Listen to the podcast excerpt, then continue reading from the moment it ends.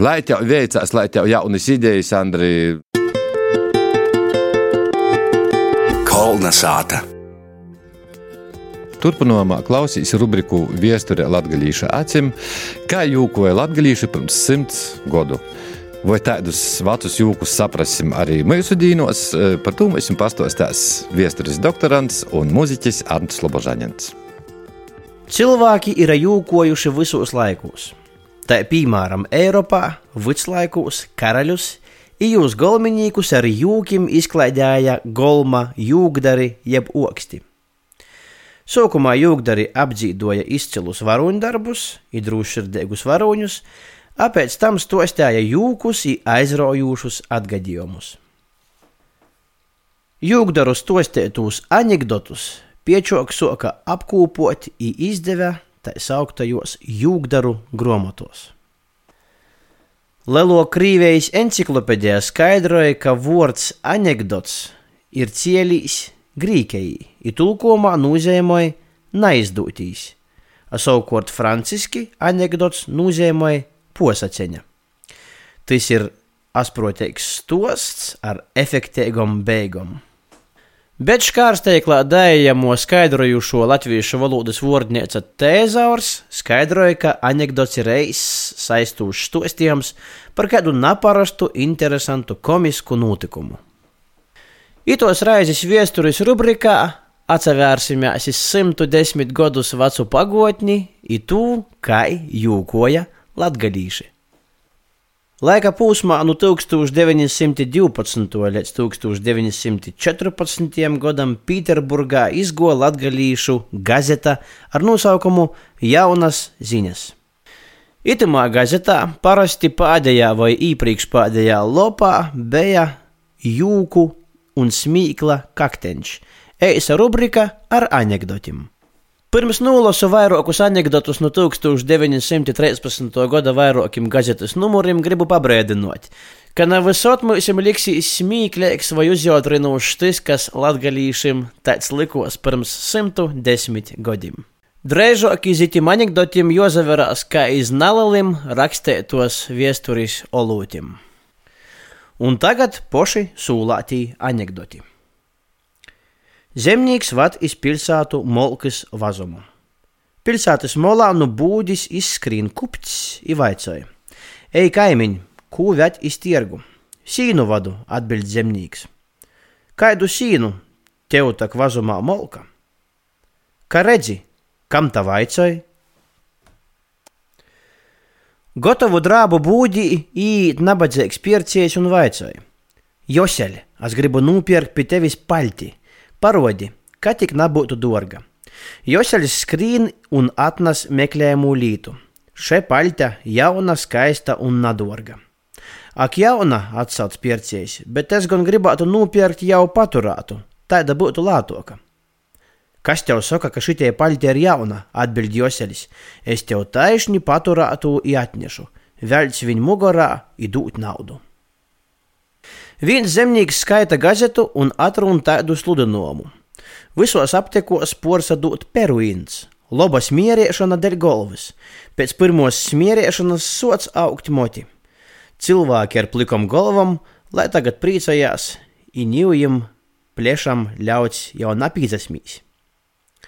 Zemnieks paskaita šo sludinājumu savai bobai un saka – Lai pirktu peruīnu kungi, kam plikas galvas, man vēl kuplis cakuls. Klausīs vēreņi, nopērci man vienu buteļēti šos smierēšanas boba soka. Ko tu darīsi, vaicoja vērs? Vai tā galvu smierēsi? Nā, atbild boba, es pasmierēšu savai svētai pakutri, lai izaugs polva, tūlaik man būs silts kažuks. Zemnīks Jūs, kungs, aptekar sakat, ka itos zoļis dižan lobas, bet vai tik prusaki gribēs jūs ēst? Aptekars, vai gribēs ēst? Es galvoju, ka visi cīma prusaki saropos tavā uztabā iz vakariņam. Kungs Rubān, es atgoju samaksot jūsim porodu. Paļdis, paļdis, vot taisnīgs cilvēks. Es vai zinat par to porodu pavisam beju aizmirsis. Žēl! Kaidam tad valnam jūs agrāk to napasacēt? Viens bogots kungs taisīja maltēti. Pie golda sēdēja daudz gostu. Trauki bija dārgi, starp citu bija zelta lizēkas. Viens gosts, īraudzādams, ka lizēkas no zelta, paņem to, izsaimniekam neredzot, īlīk to sev kešā. Otrs gosts to visu redz. Pēc kāda laiciņa Jis līļātīs, ka moku rodēt visādas štukas un fokusus. Veritās, saka, es paņemšu šito zelta karūti i īlikšu sev kešā. Tagad šai karūte atceru un kešā ekur pie to kunga.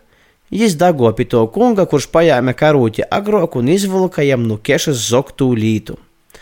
Zaglis bija diža aizkaunēts, bet neko nedrīkstēja sacēt, beidamīs, ka jau napasauktu par zagli visiem dzieržūt.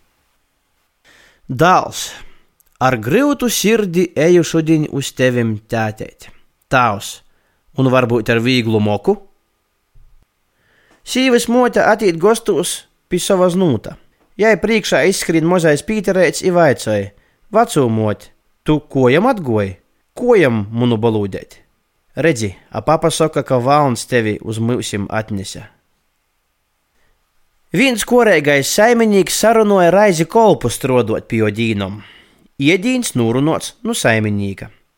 Agri parētam atgo kolps pie saimnieka Popovis ortu.